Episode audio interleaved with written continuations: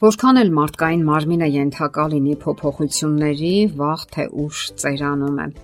Մենք պետք է ձգտենք ամեն օր բարելավել մեր առողջությունը։ Պետք է ձգտենք դրական փոփոխությունների եւ ամեն օր մտածենք մեր առողջության մասին։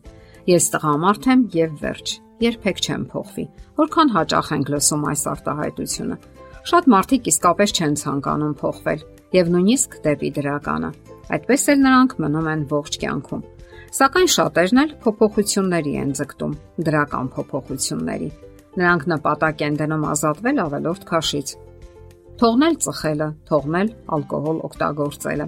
Շատերն էլ ցանկանում են սովորել օտար լեզուներ, փոխել մասնագիտությունը, որովհետև հինն այլևս հետաքրքիր չէ եւ սկսել է ձանձրացնել կամ էլ հոգեբանորեն հոգնեցնել։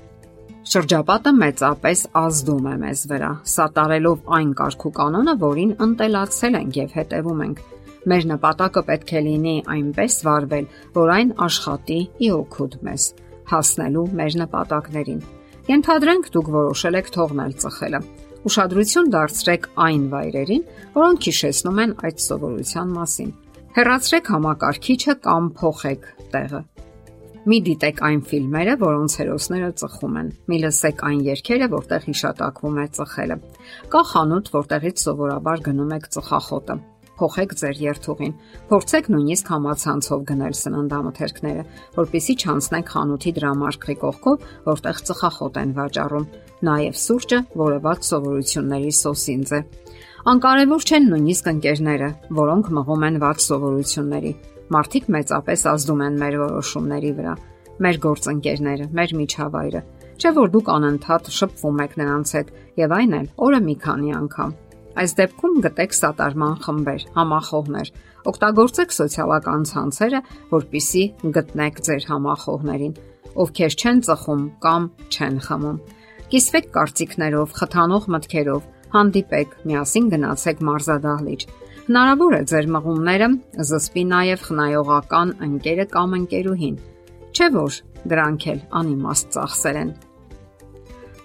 Հոկեբան Շոն Աչորը նկատել է, որ մենք հեշտ ենք իրականացնում այն որոշումները, եթե դրանք կատարելու վրա ծախսվում է ոչ ավել քան 20 վայրկյան։ Որպես օրինակ նա բերում է իր սեփական փորձը՝ կապված գիտար նվագել սովորելու հետ։ Սկզբում նա ժամանակ էր կորցնում, որpիսի գնա պահարանի մոտ, վերցնի գիտարը հանի պատյանից եւ պարապի, ապա այն դրեց կողքին, որpիսի կրճատի որոշման եւ գործողության միջև ընկած խոչընդոտը կամ ժամանակահատվածը։ Այսպիսով մի քանի միջանկյալ որոշումների փոխարեն նա կատարում էր 1-2-ը վերցնել գիտարը առավել եւս որ տեսանելիության սահմանում էր։ Ահա թե ինչու հետաքրքիր կլինի ծխախոտը կամ խմիչքները պահել, ասենք ամենահեռավոր պահարանում եւ բանալիով կողպել։ Բանալին նույնպես դնել հեռավոր մի վայրում։ Մտածեք նաև կրակայրիչի մասին, Դրանք էլ հեռացրեք ձեզանից եւ դրանք անելու համար անհրաժեշտ կլինի ընդունել մի քանի որոշումներ եւ կատարել մի քանի ավելորդ գործողություններ։ Մի խոսքով դուք անում եք ամեն հնարավորը, որpիսի թողնեք այդ վնասակար սովորությունները եւ ընդունեք ավելի օգտակար որոշումներ։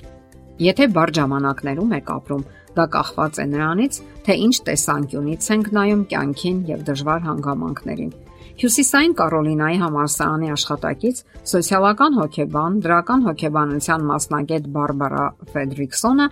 այն կարծիքին է, որ դրական հույզերը առանցքային դեր են խաղում ցնցումներին դիմագրավելու մեր ընտունակության մեջ։ Իսկ կարող ենք մենք մնալ լավատես եւ ուրախ, նայել կյանքին պայծառ տրամադրությամբ Արդյոք մեզ անմիտ ու անհոգի չեն անվանի, եթե լինենք լավատես ու երջանիկ, չնայած շուրջ բոլորը թակավորող հիմնախնդիրներին, սոցիալական բարդություններին, ավելացրած այս բոլորին մարդկային անտարբերությունն ու քարացածությունը։ Այո, այս ամենը գոյություն ունի։ Աշխարը երերում է մեր շուրջ բոլորը։ Մարդիկ տարապում են ու տագնապում։ Նրանք անհանգստացած են, եւ այն ամենայնիվ կյանքը դրանով չի ավարտվում Մենք պետք է շարունակենք ծիծաղել ու ճպտալ, շփվել միմյանց հետ, ուրախանալ միմյանց հաջողություններով եւ կյանքի հրաշալի ակնթարթներով։ Մենք կարող ենք եւ պետք է մնանք լավատես։ Հոգեբանները այսպիսի փորձ իսկ ավելի շուտ հարցումներ են կատարել։ Աղետներից հետո նրանք հարցրել են մարդկանց, թե ինչ հույզեր են ապրել։ Նրանց մի մասը լրջորեն անհանգստացած է եղել, իսկ ահա 60%-ը պատասխանել է, որ իրենք ավելի են բարելավել իրենց հոգեկան վիճակը։ Նրանք գոհ են եղել, որ կարողացել են փրկվել, իսկ դրանից հետո նույնիսկ բարելավել են հարաբերությունները իրենց հարազատ ու մտերիմ մարդկանց հետ, որովհետև զգացել են, որ մի ակնթարթում կարող են կորցնել թե նրանց եւ թե վերջապես իրենց կյանքը եւ սկսել են ավելի շատ հոգ տանել նրանց համար, ավելի շատ շփվել, չէ որ կյանքը շարունակվում է եւ հարկավոր է ապրել մնալով լավատես։ Ասենք որ այդ տեսակետն են պաշտանում նաև մասնագետ հոգեբաններ։ Դրանցից է Թիերի Յանսենը։ Նա աշխատում է այն այցելուների հետ, ովքեր հոգեկան հիվանդությունների սոմատիկ դրսևորումներ ունեն։ Ահա թե ինչ է գրում նա։ Մեր մտքերն անմիջականորեն ազդում են մեր մարմնի վրա։ Ինչպիսին նրանք են, այնպիսին էլ մեր կյանքի որակն է։ Դա հստակ ապացուցում են բազմաթիվ գիտական ուսումնասիրություններ, որոնք անց են կացվում բժշկության ժամանակակից սարքավորումներով։ Դե ինչ կատարեք դրական փոփոխություններ ձեր կյանքում եւ խնայեք ձեր առողջությունը։ Եթերում է առողջ ապրելակերպ հաղորդաշարը։